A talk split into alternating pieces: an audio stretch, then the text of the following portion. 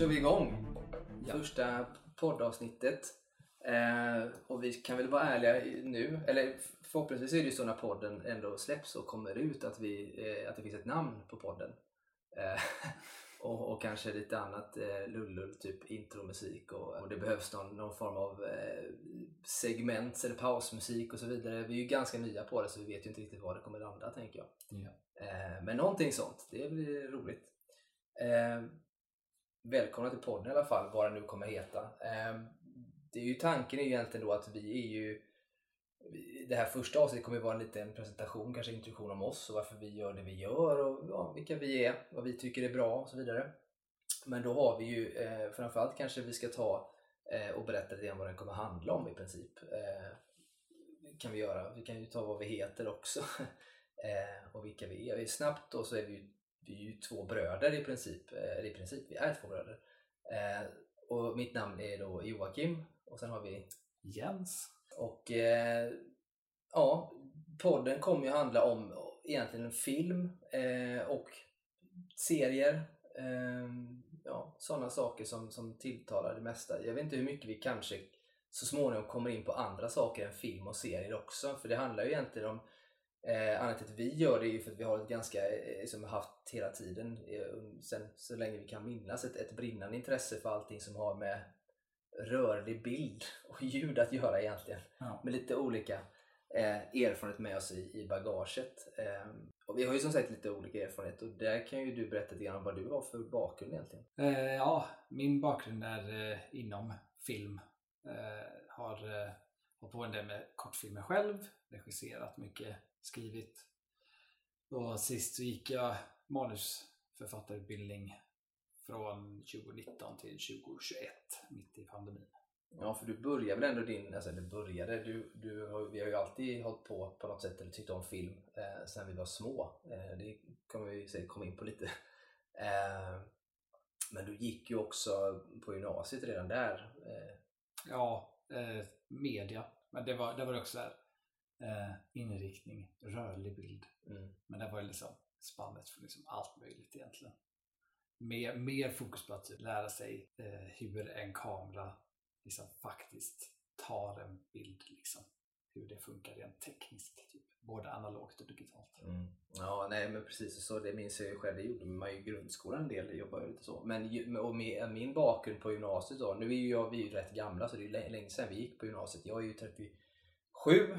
Hemskt nog tre år kvar till 40 vilket känns helt eh, barockt och främmande faktiskt. Jag känner mig inte en dag äldre än, än 23 egentligen. Eh, och sen Jens då, som du är ju fyra år yngre än mig. Eh, 33.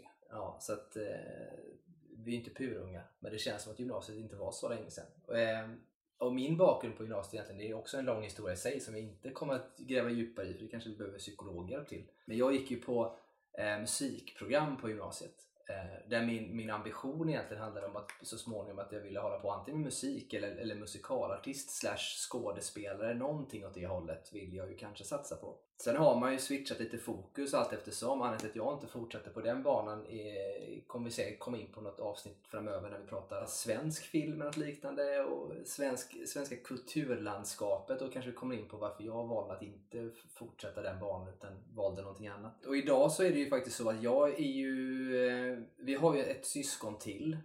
Det kanske man ska lägga in också som också Ja. håller på en del. Eh, Ja, mer skådespelarinriktad. som jag beundrar henne, det är vår syster Sanne. Eh, Hon lyssnar säkert på det här nu också tänker jag. Måste hon göra för vi tittar på hennes jäkla Youtube-kanal hela tiden för, för hennes tittare, eller för att hon ska få tittarsiffror. Så hon måste lyssna på oss. Men hon finns ju där i, i också och har valt den eh, banan på något sätt samtidigt som hon också gör, alltså jobbar med någonting annat. Jag är inte riktigt klar på det hela vad hon gör. Hon gör lite olika saker ibland. Jag har i grund och botten utbildat mig till lärare. Eh, då i, i framförallt det som kallas för SO-ämnen. Sen är jag ju behörig till gymnasiet också. Så, men jag har varit mestadels i, i grundskolan på högstadiet så där är ju min bit. Men numera så är jag ju rektor då i, i förskola. Eh. Så där, jag har ju gått en, en något annan bana kan man säga som de, från de andra. Sen är kan man ju då säga att Jens är väl kanske den då och så är det ju så kanske har mest erfarenhet av filmvärlden och fortfarande på något sätt ändå befinner sig i den. Det gör ju vår syster också såklart som, som går på auditions och sånt. Men eh, men till skillnad från om man ska säga så här, alltså riktigt jobb eller utbildning, det har ju inte du till exempel på det sättet. Utan du jobbar ju rätt mycket med just film och få in det och få ut det. Ja, mycket fokus på film. Eh, och ströjobbet jag har är ju att jobba med hundar. Mm. Och det är ju din andra kan man säga, stora passion, Ja. eh, djur och sådär. Eh, ja.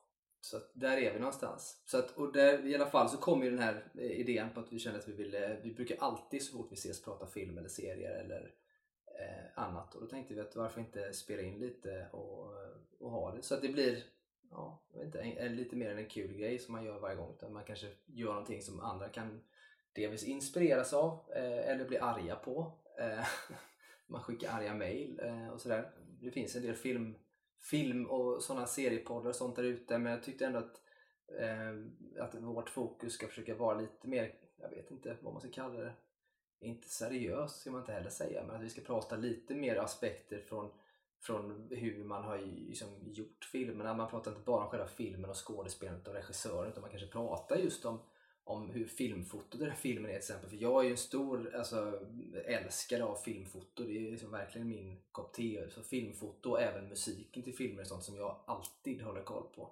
Eh, och det vet jag ju att du också gör eh, såklart. Men sen så är ju du också mer i, i den dramaturgiska biten och, och själva berättandet och sånt där. Och där är jag ju inte alltid lika eh, kräsen man ska säga i det. Det är ju mer, eller jag har inte, alltså jag har ju intresse för alla delar. Men sen är det, så är det dramaturgi och regissörer, producenter också. Så är det lite mer, där vet jag lite mer och har lite bättre koll i allmänhet. Och som sagt, det är ju ett första liksom, ett presentationsavsnitt. Vi, försöker, vi kommer ju då försöka hålla oss till att ha en, någonstans mellan 30-40 minuter långa max avsnitt. Just för att många poddar man lyssnar på när folk bara blajar på, det kan vara hur trevligt och mysigt som helst såklart. Men, men det finns också en risk att det blir ett ganska Eh, ett, bara ett pladder egentligen. Så att man vill ju ändå lämna publiken med att vilja ha mer av någonting. Så det är tanken att vi ska försöka hålla det relativt kort. Sen får vi ju liksom utvärdera det efter ett tag såklart. Eh, på något sätt tänker jag.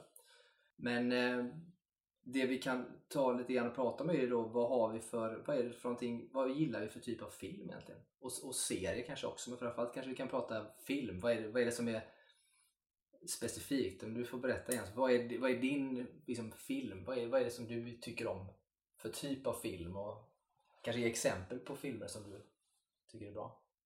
Så det är ju typ den så här eviga frågan som jag aldrig har något vettigt svar på. Uh, för jag är så här, det tråkiga svaret är ju att jag liksom gillar typ all typ av film, egentligen.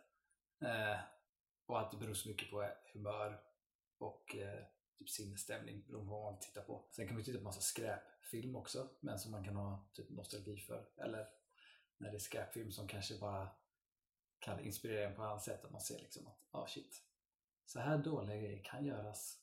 Kanske man kan göra någonting själv också. Men sen, alltså det är väl mest egentligen Alltså det, som för mig, film är lite som musik också. Här, en bra film är en bra film. Uh, sen kan de vara bra på olika sätt. Alltså de kan ju, det är subjektivt och man kan ta till sig det på egen hand liksom, separat. Och det kan liksom vara Alltså det kan ju själva hantverket inte, behöver inte alltid vara det liksom, högsta. Eh, men att det är någonting i kärnan som träffar en. Sen kan det ju vara att man ser en film utifrån att liksom, man ser att hantverket är skickligt och väl arbetat men att det kanske inte riktigt träffar så att man kanske inte bryr sig så mycket. Men man kan ändå se att det är en bra film. Um, så det är så genremässigt skulle jag nog inte påstå att jag dras mer mot något. Men det som jag egentligen har svårast att titta på är väl kanske typ skräckfilm. Och det har väldigt mycket att göra med att jag har blivit så pass förstörd av eh, vetskap om hur film går till och dramaturgi så att skräckfilm är ju, följer ofta väldigt specifika linjer och banor i sin dramaturgi. Så att där blir det ofta att jag utan att egentligen behöva liksom sitta och analysera filmen vet steg för steg vad som ska hända. Vilket gör att momenten ska vara chockmoment och skräckmoment händer inte för mig. Så att eh, skräckfilm är det jag tittar egentligen minst på rent av Nej, nej och det, det kan jag förstå. Det är lite intressant med just skräckfilm för där är ju Alltså det som du beskriver att man inte blir kanske rädd på det sättet men det är också det som jag vet många tycker är charmen med skräckfilm att de för, alltså förmodligen är ganska förutsägbara. För så är det ju. Och det, men ändå så blir det, man ju rädd för man sitter där och liksom vet att det ska komma någonting och när det väl kommer så hoppar man till på något sätt. Och, men jag är helt med på samma spår som du. Jag, jag kan ju tycka Alltså jag, kan, jag är lite tvärtom då. Jag tycker jag älskar ju skräckfilm. Men jag älskar skräckfilm på det sättet att det, då måste det vara någonting som är inte det klassiska skräckfilmen. Utan då måste det vara någonting som, som får en att... Och jag hatar ju till exempel skräckfilmer när man tydligt ser, ser det onda. Eller ser vad som finns, att det är något ja. fysiskt. Och, och och sånt där jag också svårt för. Min absoluta skräckfilm genom tiderna till exempel eh, är ju första Paranormal Activity. Som jag tycker är så jävla välgjord egentligen. Eh, med så lite eh, liksom material egentligen och så lite det kostar att göra den så är den otroligt bra gjord.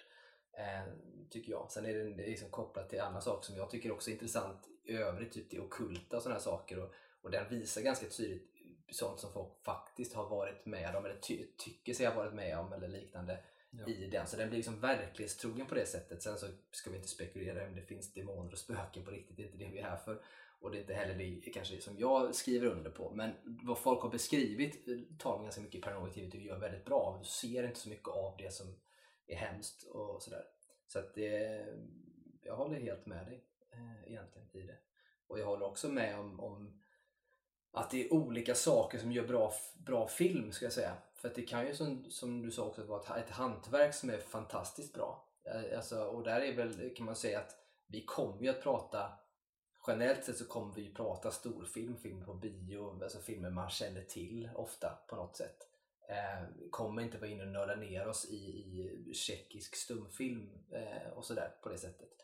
Men med det sagt så får man ändå tänka att det finns ju otroligt liksom, bra filmer som är just till exempel tjeckisk stumfilm som är otroligt bra i kanske i sitt hantverk eller liknande. Då. Men, eh, men där rör vi oss inte så mycket i de världarna utan det är ganska säga, populistisk eh, film som man ser på det sättet. Så vi kommer inte vi är inte så smala eh, på det sättet. Sen håller jag också med om att vi, alltså jag är rätt bred i min, i min smak också. Jag tycker inte heller att det finns en, en Eh, så här klockren fördelning på vad jag tycker är dåligt genremässigt och inte. Utan jag köper det mesta. Sen är det ju som sagt en svaghet och det har väl att göra med fördomsfullt att säga att man är vit medelålders man men det har ju ofta att göra med att man tycker om, alltså det, är, det är ju science fiction, det är superhjältar, det är Bondfilmer, det är lite sådana här klassiska saker som man alltid är lite svag för. Ehm, samtidigt så finns det ju mängder av andra saker såklart också. Sen får man också tillägga att det finns ju också regissörer man har som är, är favoriter hos en. Eh, jag tänker ju oftast mer på favorit, kanske cinematografer då i, förhållande till, till regissör egentligen. Men kan också tycka om regissörer. Sen vet jag att du har ju några ändå favoritregissörer, eller ett par stycken. Alltså, till exempel Guillermo del Toro är en av dem. Och, sådär. och varför är det just Guillermo till exempel? Alltså Guillermo, ja bra fråga varför. Uh, det liksom är hans känsla av det sagofyllda och det fantastiska eh, som han liksom knyter an till mer jordnära teman. Det liksom är, det finns liksom inga gränser i hans filmer på något sätt. Att det är, och att jag gillar att han eh, för det mesta gör liksom filmer som bara är en film och sen inte några uppföljare utan det varje är en historia i sig och står för sig själv. Uh, ja, det är nästan lite ovanligt idag. Ja, jätteovanligt idag. Jag uppskattar extremt mycket standardfilmer. Alltså jag tror första filmen jag såg med Guillermo var nog Devil's Backbone. Men jag var så ung så att jag kommer inte riktigt ihåg det. Hellboy äh, tänker jag eller? Mm, ja, bra fråga om jag såg Hellboy eller Pans labyrint först. Hellboy måste det vara. Jag kan ha sett Hellboy först men då var jag nog inte medveten om att han var involverad. Nej, gud nej. Äh, men så såg jag Pans labyrint och så var det som att åh shit jag måste kolla på vad den här regissören har gjort innan och efter. Och då, mm, ja, han hade inte gjort jättemycket då, men då liksom dök man ju ner i honom. Eh, och sen har jag väl nästan alla filmer han har kommit ut med så har jag liksom aldrig i stort sett varit besviken. Vissa saker kan man tycka är svagare än andra, men eh, jag har nog svårt att säga att Guillermo ska ha gjort en dålig film. För mig. Mm. Nej, för du har ju, en av dina favoritfilmer är ju, är Shape of Water va? Ja. Ändå. Och det är ju, är ju en film som, jag tycker inte att den är dålig, men jag tycker inte heller att den är superfantastisk på det sättet. Eh, Nej, det är ganska många som eh, känner så. Nej, och så är det. Och jag tycker, verkligen, jag tycker verkligen inte att den är dålig. Men den är inte någonting som gör det för mig. Men där kommer vi nog se lite skillnader mellan oss, tänker jag. För du har ju en viss svaghet för det man ska kalla för vilket jag också kan i och för sig ha ibland, men just det här så vad är mänskligt och vad är inte mänskligt? Och, Ja. och, och framförallt när man kanske har någonting som inte är mänskligt men som ändå beter sig kanske som, som, som man vill att mänskligt ska vara. Eller som mänskligare än människan själv på något sätt. Det är ju till exempel då som, som i eh, Shape of Water när du har den här figuren som, som på något sätt ändå är mer godhjärtad och kanske på ett sätt mer human och mänsklig än, än människan själv. Att det blir ofta människan som på något sätt ändå är den onda. Och så är det ju många gånger i Guillermos filmer att det är människan som, som är egentligen bäraren av ondskan på något sätt. Ja, Och det är mycket temat, tycker dualitet i sina filmer. Just den typen av teman och ämnen är ju så här, det är något jag dras till ofta och det går ju tillbaka till vad man såg när man var liten och upplevde när man var liten. Liksom. Mm. Eh, Så det sitter alltid nära till hands. Liksom. Men sen så, så gillar man ju andra regissörer också, ofta av andra anledningar. Alltså sen det finns ju alltid det typiska Spielberg. Liksom. Mm. För Eh. Guillermo är ju mer som du, du tänker, det är ju mer hans narrativ och hans berättande, delvis teknik men också hans teman han använder sig av. Ja. Som du som verkligen har förälskat i. Och jag har ju en sån regissör också som jag tycker är väldigt bra. Som jag vet att du inte alltid gillar så mycket. Och som jag också kan säga att jag gillar inte alla filmer av honom. Jag kan komma in på det alldeles strax. Men om du tar, vad har du mer? Ja, Spielberg som exempel. Spielberg då. Och där är det mer, där är det väldigt mycket så nostalgi för när man var ung och han var liksom en stor del av ens barndom med Mm. filmer. Liksom. Eh, men där är det också att där är det en extrem skicklighet. Alltså, det är svårt att vara eh, mer så här, tydlig i sitt narrativ och i sitt liksom, användande av fotografi och allt sånt än vad Spielberg är. Sen tycker jag inte att alla filmer han gör är superbra, alltså rent storymässigt. Men som ett hantverk så är ju nästan alla hans filmer på liksom en extrem hög nivå. Ja, man får ju ändå säga att om man tittar på Spielberg har han gjort så. Han har gjort, jag vet inte vad man ska jämföra det med. Han är filmvärldens svar på Gutenbergpressen. Alltså nästan för så sättet han gör film på är det så många som inte härmar kanske men inspireras av hans sätt att göra film. Eh, på samma sätt som man kanske ja, man kan jämföra med, med popstjärnor som Elvis eller som Michael Jackson. Hur många har inte liksom inspirerats av dem? Och samma sak är det med Spielberg egentligen. Som, och, och det har vi pratat om innan när vi inte spelade in det. Men en sån här sak som att det finns ett väldigt Spielbergianskt sätt att göra film. Och det, det märks så tydligt när det är han som står bakom en film. Alltså han har regisserat den. Det kan till och med märkas ibland när han bara har producerat. Men framförallt så finns det väldigt tydligt Spielbergs sätt att göra film. Och det finns inte så många regissörer där ute som är som, som man direkt tänker att Åh, det är den här regissören, om man inte är supernörd. Jens eh, kan vi se ganska fort på ja det är den regissören och så vidare. Men, och jag kan till viss del se det. Men, men i stora drag så, så är, lägger man inte märke till att Åh, det här känns som den här regissören. Men Spielberg känner man ju att det är Spielberg. Det, det finns ju någonting väldigt Ja, jag vet inte vad man ska kalla det. Nästan, lite, nästan något barnsligt över det. Eh, på ett sätt han gör film. Det vill säga att han, han vet precis vilka känslor han ska appellera till och, och bygga upp det på. och Sådär. Ja, alltså det är också någon form av Alltså, det, ja, alltså på det bästa sättet menat är det någon form av enkelhet i hans filmer. Eh, att allting, allting är ganska rakt, kanske inte alltid storymässigt men rent dramaturgiskt och rent liksom visuellt så är allting väldigt tydligt och rakt på sak. Man vet liksom vad man får. får man verkligen säga. Jag har ju några Spielberg-favoriter, det kan vi ju säkert komma in på så småningom. Eh, som, som sådana här filmer som, han har gjort ganska många filmer, vilket det finns såklart många. Det finns ju alltid ett klassiker blir klassiker eh, på ett sätt. Eh, och det kan man märka idag för, på det sättet att en Spielberg-film från, säg 70-talet, jag behöver inte nämna några namn, men säg en Spielberg-film från 70-talet. Den håller än idag. Och det är så fascinerande för den håller idag och så tittar man till exempel på en film som jag vet att man kanske älskade själv någon gång som man tittade på när man var liksom, 12-13 år på 90-talet kanske. Eh, så man tyckte den var ju så jäkla bra alltihop. Men så tittar man på den nu och så märker man att den har inte hållit på samma, på samma nivå. Och det är ju det som är skillnaden på en, en på regissör tror jag, eller på, på en skicklig filmskapare överhuvudtaget. För han, många av hans filmer håller än idag. Sen, sen alltså fortfarande om en film är bra eller dålig, det spelar ingen roll, men den håller på något sätt ändå. ändå just kanske för att den är enkel då. Nej, så Spielberg är en sån. Du pratar Guillermo del Toro, pratar Spielberg. Eh, du har ju med, sen har du ju sådana som jag minns från när vi var små till exempel. Eller små, det är ju Tim Burton har ju varit en, en, en hyfsad... Ja, Tim Burton är ju så här, alltså han är också så här, var en del av barndomen. Fast också så väldigt, jag var inte medveten om att det var han liksom. Jag såg filmer han hade gjort det och var involverad i. Och de som talade till mig, men jag visste inte vem han var. Men där är så här, han för mig är lite, nästan lite tragiskt för mig nu. För att han har blivit liksom, det känns som att han har lite fastnat i att han gör filmer som förväntas av honom. Eh, och det har han gjort ganska länge. Så att eh, jag tror inte jag har sett, jag tror, alltså sista filmen jag såg som jag tyckte var så riktigt bra från Tim Burton eh, är nog Sweeney Todd om man tittar på live action-delen och sen tycker jag nog att Frankenweenie är relativt bra. Men det är också, jag har väldigt svag för stop motion. Så att, eh. mm. ja, Frankenweenie är ju lite, och jag skulle säga att man kanske behöver ha en liten acquired taste på om man ska titta på den. Eh, så, men för Tim Burton är ju spännande. Jag kan inte ens minnas. Vad, vad var det senaste han gjorde egentligen? Eh, tror att det var Dumbo. Just det, den har ju kommit. Ja, den har inte jag sett. Vad hemskt. Det känns som att den borde man ju sett egentligen. För jag vet ju, jag har ju några Tim Burton som jag tycker är jävligt bra. Alltså vi vet ju allihopa. Och det är en sån här klassisk grej. Nu ska vi komma in på det här. För att man tänker ju att Edward Scissorhands känns jävligt Tim Burton. Ja. Men är det Tim Burton? Det är Tim Burton. Som regisserar. För att det är ju... Han har inte skrivit den dock.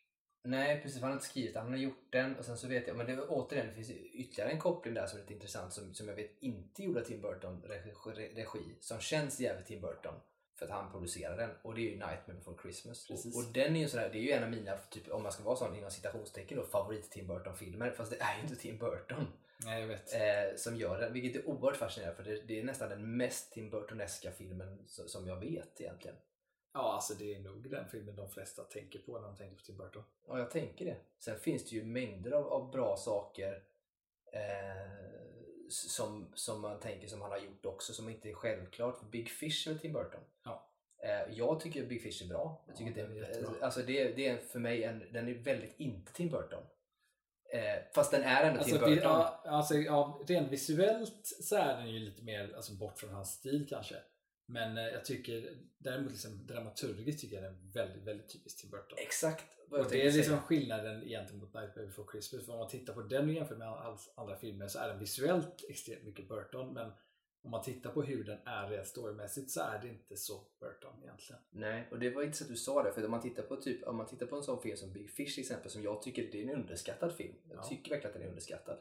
Så att om man inte har sett den, ni som lyssnar, se den. Eh, Ewan McGregor är skitbra, eh, som alltid tycker jag. Men där har vi också att den känns ju mer nästan som, nu, nu drar jag koppling till en ny film som Guillermo gjorde alldeles nyss till exempel. Om du tar den filmen, alltså eh, Nightmare Alley tänker jag på. Mm. Eh, men alltså, det är typ, alltså Big Fish är som att det är eh, Tim Burtons berättande med Guillermos visuella nästan. På ett sätt. Alltså, ja, det, jag fattar inte, inte helt Nej, självklart men åt det hållet på något sätt. Och ja. framför allt om man tänker på Nightmare Alley. på något sätt i det. Ja. Och lite mer det här du vet, det fantastiska som man använder sig av. Vet, med talande fiskar och allt möjligt konstigt. Liksom. Så den, den är lite intressant för det är verkligen en underskattad film. Eh, sen kan vi ta en, en, en över, eller den är inte överskattad, den är ju katastrofdålig egentligen. Och det är ju för att du är svag för Planet of the Apes-filmerna. Inte de gamla så mycket kanske, men de här nya som gjordes, de som heter Revolution och alla mm. de här. Eh, men det gjordes innan det så gjordes det ju en Apornas planet med Tim Burton mm. eh, som regissör, eh, där Mark Wahlberg spelar. Den är intressant bara för att nämna att den är, den är fruktansvärt dålig. Eh, och den känns som du sa, så att Tim Burton gör sånt som förväntas av honom. Och det gjorde han väl kanske lite där. Han försökte göra en take på, alltså, på Planet of the Apes, eller Apornas planet då med sitt eget på något sätt styrk men den känns ju inte, den känns ju inte Tim Burton. Den känns, jag vet inte vad den känns som. Den känns bara fruktansvärt dålig. Den känns Mark Wahlberg, ursäkta mig, han har inte gjort så jättemycket bra Mark Wahlberg. Men den känns som att den passar honom mer. Ja, alltså det var så länge sedan jag såg den filmen nu. Men jag vet ju att det är inte någon av mina toppfilmer när det kommer till Burton. Sen är det väl lite så här... Jag tror att den finns på Disney Plus om man är sugen på att se den. Ja, så tror jag liksom att det är eh, som så många så här, remakes som gör, man försöker på något sätt så här one-up det tidigare, den tidigare versionen genom att typ så här först och främst Apes har twisten av att det har alltid varit den världen, bara framtiden. Mm. Men här är liksom twisten att han åker tillbaka och så är världen apor. Där är det så här, man lämnas till en så här, ah, hur gick det till? Eh, och sen var väl säkert tanken att göra en uppföljare, men så blev det inte. Och där är det lite att man, den faller liksom ännu mer när slutet blir så. Ja, men Men den är speciell. Jag har inte sett dem jättelänge. så jag Nej, jag, jag ska, jag, ska den. inte säga att jag, jag har inte sett den på jättelänge heller, men jag minns det från när jag var, alltså jag var inte gammal då, men den är, alltså jag minns den som dålig redan då och jag tror inte att den har vare sig åldrats väl eller att jag har åldrats eh, på något sätt ikapp den filmen för att jag tycker att den är, var skitdålig, jag tror fortfarande att den är jävligt dålig. Um, med det sagt så tycker jag att Tim Burton är bra, alltså Edward Scissorhands är ju svinbra och även om det inte är han som gör Nightmare Before Christmas så är den svinbra. Eh, Big Fish är skitbra. Eh, och sen kan man ju faktiskt inte prata Tim Burton utan att nämna kanske de två bästa filmerna han har gjort. Ska jag säga. Som älskar eh, superhjältar och kanske framförallt den här då, men det är ju Batman-filmerna. Eh, I alltså, princip. det- För han har ju... Batman, Tim Burtons Batman är ju min Batman. Liksom. Ja, lite så är det ju. Sen så vet jag att både du och jag och många med oss eh, gillar ju eh, The Batman nu som kommer, Robert Pattinson. Mm. Eh, och, och där har ju också du och jag någonting gemensamt. Nu, jag vet inte, ni får skriva ar- arga mejl till oss eh, eller kommentarer eller någonting. Men jag vet att både du och jag är ju inte jätte... Alltså inte förtjust. Vi tycker inte att den är dålig nödvändigtvis. Men vi har inte samma mm, ska säga, kärlek eller samma den här bit till Dark Knight-trilogin som Nolan gjorde. Eh, det är bra, bra filmer på något sätt ändå, eh, som är ändå helt okej. Men det är inte så här att jag personligen, och kanske även du, men jag personligen tycker ju inte att det riktigt porträtterar den Batman jag vill se eller vill ha. Eh, I det. Så jag tycker inte att de är så fantastiska som så många säger. Sen så är det saker i dem som är fantastiska. Typ Heath Ledgers eh, Jokern såklart. Så, Ja, men där blir det också en... Det blir alltid mer komplicerat med film det är adaptioner. Speciellt när det är adaptioner av serietidningar. Um, för det blir... Alltså Dark Knight-trilogin i sig, alltså rent dramaturgiskt, liksom rent hur visuellt sånt där. Sen hur hans tolkning av eh, den världen och de karaktärerna är kommer ju vara så extremt subjektivt för att alla växer upp med olika tankar. Ja men precis så är det. Och eh, så med, med det jag menar med att lite grann att alltså, filmerna i sig, folk tycker de är svinbra och det tycker jag ju med egentligen. Att de är bra. Men det är inte den Batman jag vill ha. Och jag slogs också när jag tittade på, för jag tittade om dem. Eh, eh, jag har inte hunnit kolla om Dark Knight Rises i och för sig eh, riktigt. Men jag tittade på dem i alla fall. Och det man slås av, som man kan störa sig lite grann på i dem, är ju Eh, alltså det är en mängd olika saker egentligen. Om man, om man nu är lite såhär Batman-nördig. Sen finns det otal, ska man också säga, iterationer av, av Batmans. Alltså det finns ju hur många olika versioner i serietidningar som gjorts, olika storylines och olika så worlds som det har utspelat sig på och så vidare. Då. Alltså det, och det kan man nörda ner sig i och det kommer vi säkert göra ibland också. Men, eh, men eh, Nolan försökte ju göra vad händer om man sätter Batman i en verklig värld i princip. Alltså i en värld där där vi lever i idag, vad, vad skulle kunna, hur skulle de här, liksom, hans, ja, han har inga krafter, men hur skulle de fungera, vad är det han använder, hur gör man det troligt och så vidare. Eh, så det blir ju mycket sådana här saker också när, när Christian Bale, för jag menar, i Batman i serietidningarna brukar ju, han ge sig ju iväg ut i världen för att lära sig olika martial arts redan oftast när han är runt 14, något där. Christian Bale är ju jag vet inte hur, gammal han ska föreställa men typ runt 20 kanske, någonting när han ger sig ut. Så Ja, han är det är ganska... någonting runt slutet av, Ja. eller runt college eller Ja, så han är ju ändå ganska gammal i det, vilket man fine, det kan man ju köpa då. Va? Sen så är det väl lite små saker som, eh, som man kan prata om när det kommer till whitewashing med, med Liam Neeson som, som Ra's al Ghul till exempel och sådana här bitar, vilket man kan tycka vad man vill om. Eh, egentligen då. Så det är lite sådana små grejer men oerhört bra filmer. Det är bra skådisar allihopa. Det är ju, alltså, det är, Liam Neeson är, är ju svinbra liksom. Christian Bale är bra, Heath Ledger som är med är bra, eh, eh, Killian Murphy är bra. Alltså, det är ju mängder av duktiga skådespelare och det är bra gjort, det får man inte säga någonting annat om. Men det jag slås över när jag tittar på dem är ju att det är ju väldigt mycket Bond-känsla över dem. För det är väldigt mycket Lucius Fox, alltså Morgan Freemans karaktär, som är en slags cue till Batmans Bond. På något sätt. Väldigt påtagligt ska man säga så också. Ja, sen alltså Christopher Nolan har ju sagt så många gånger att han vill göra en Bond-film. Så att Ja, det är väl kanske, inte jättekonstigt. kanske var hans audition att försöka få till det. Ja, men jag tror att, han, jag tror att för, eller för mig så faller just den trilogin lite på grund av eh, just det konceptet av att, liksom, att det ska försöka förankra sig i, i vår verklighet. Ja, och ska förklaras. När det är sånt där, alltså se, serietidningsvärldar är ju fantastiska i sig. Och eh, då behöver nästan, för mig i alla fall, världen på något sätt vara eh, separat från vår egen. Och det blir liksom, ja, det faller lite på karaktären när det ska hålla sig till vår verklighet. För det blir liksom, då börjar man jämföra det med sig själv i verkligheten och hur det står till. Och då blir man så här, hur skulle, skulle man verkligen göra så? Skulle det vara si och så? Men har man en helt separat värld så liksom är reglerna annorlunda. Mm. Så att det, det är svårare att göra filmer som ska vara verklighetstrogna också. Ja, gud ja. Och jag tror att man får mycket mer ut av en film som är mindre verklighetstrogen i ett sånt sammanhang som serietidningshjältar som är därifrån. Nej, för det är ju, nu börjar vår tid lite, lite grann rinna ut, några minuter kvar kanske, men för att koppla ihop säcken eh, lite snabbt kanske så, så är det ju då att alltså, osökt när vi pratar Christopher Nolan så kan vi komma in på det som är kanske min liksom, favoritregissör för favoritfilmer kanske. Eh, fast jag tycker som sagt inte att allt han gör är bra. Eh, men innan vi kommer till det så vill jag också bara säga att jag tror att han hade gjort en, en Bondfilm jävligt bra. Jag tror att han hade kunnat lösa det eh, faktiskt. Men jag ska låta det vara osagt och, och, se om det dyker upp så småningom. Det måste också vara någonting som jag tänker passar honom. Det måste vara en Bond. Nu vet jag att de sitter, och det här är ju lite så här rumors och sånt, men nu vet jag att de sitter i princip och tänker på hur ska de kunna göra Bond efter den sista Bond nu. Alltså, Mm. De pratar om att de vill göra om Bond på något sätt eller göra det mer. Och vad det innebär det vet jag faktiskt inte. Jag själv har ju en önskan om att man ska ta tillbaka Bond, att det ska bli alltså utspela sig där Bond ska vara. Vi pratar 50-tal eller liknande. Att det ska vara, liksom, gå tillbaka till nästan bli som ett kostymdrama tänkte jag säga. Men alltså att det hade varit coolt att se det i den miljön i en ny Bond-film på något sätt. Ehm, Sen är jag ju, och det har ingenting att göra med att jag är sexistisk på något sätt, men jag har ju svårt att se en kvinnlig Bond till exempel.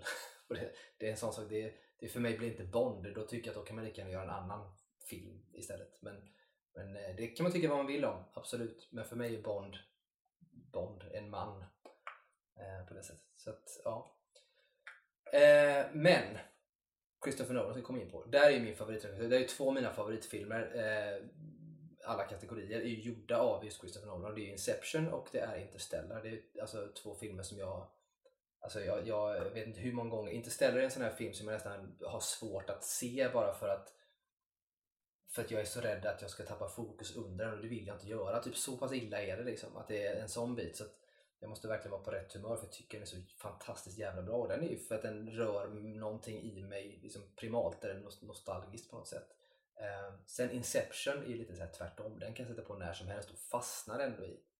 Och det är ju, den är så fruktansvärt jävla bra. Och det är ju, båda de här filmerna är ju, är ju bra. Dels för att det, regin är bra såklart och, och berättandet men eh, koncepten är svinbra tycker jag. Eh, som man använder sig av, teman och koncepten. Och sen även eh, alltså skådisarna som är skitbra alltså i det. Ehm, du har ju svinbra skådisar i Inception med liksom Leo DiCaprio och, eh, och vad heter han, han japanen som jag alltid glömmer namnet på som också är med i... i Ken Watanabe. Ja, precis.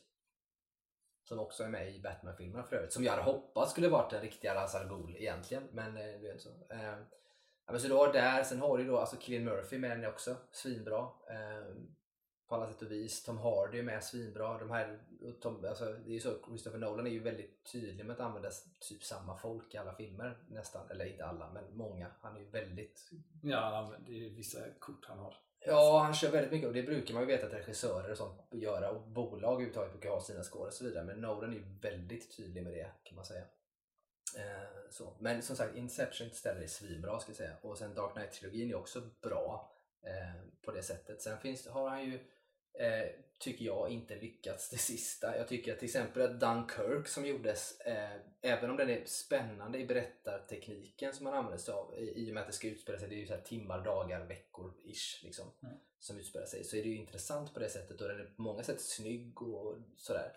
Eh, men den, den gör det inte riktigt. Eh, eh, samma sak är det med, med Tenet som gjordes. Eh, som jag också såg fram emot för jag tycker att eh, alltså, Denzel Washingtons son, alltså John David, eh, är, är skitduktig. Vi gillar honom. Men, och även Robert Pattinson som är med i den, som fick rollen som Batman under den, eh, Mm. kan man säga också. Eh, också en sån där jag lite grann blev besviken. Den blev lite för krånglig och för flummig tror jag och inte riktigt, eh, jag vet inte, den hittar inte riktigt djupet eller sig själv kanske, filmen. Så jag tycker den var krånglig. Och sen även, ja, och sen gör han ju nu då en ny film som ska handla om eh, när man tar fram atombomben. i. Oppenheimer. va? Oppenheimer, ja, precis. Med Cillian Murphy som, som Oppenheimer.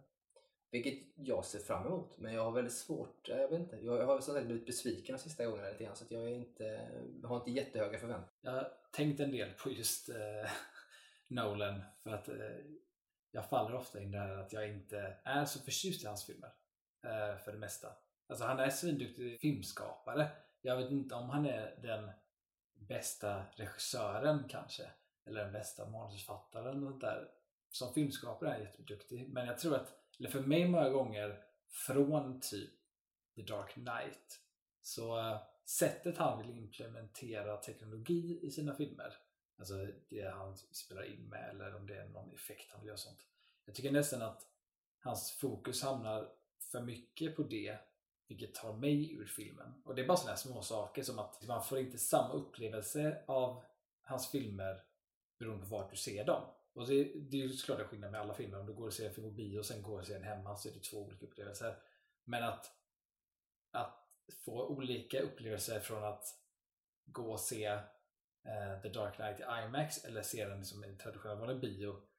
Uh, för mig, tar mig ur filmen lite grann för det blir en viss eh, formatskillnad när man ser den på vanlig bio, kommer jag ihåg. Att eh, när det var IMAX så blev det liksom ett stor bild och täckte upp och sen så kapade av eh, topp och bottom när det var vanliga. Och för mig så är det så små saker som bara tar mig ur det. Just det. Eh, det andra, Inception tycker jag att han gör det väldigt bra. Alltså typ att han ville göra den här korridorscenen eh, liksom praktiskt, vilket var ovanligt. Och det tycker jag han gjorde skitbra. Sen så finns det andra praktiska saker han, för det vill, han pratar så mycket om att han är, är typ emot effekter och vill göra mycket praktiskt. Men jag tycker också att det märks när det är praktiskt i hans filmer. Eh, Det är som i Dark Knight, eh, i alla Batman-filmer i och för sig, när det är mycket miniatyrer i hans olika fordon. Och för mig, så jag ser att det är miniatyrer och det tar mig lite ur filmen. Så jag tycker för mig är min favoritfilm med Nolan är The Prestige.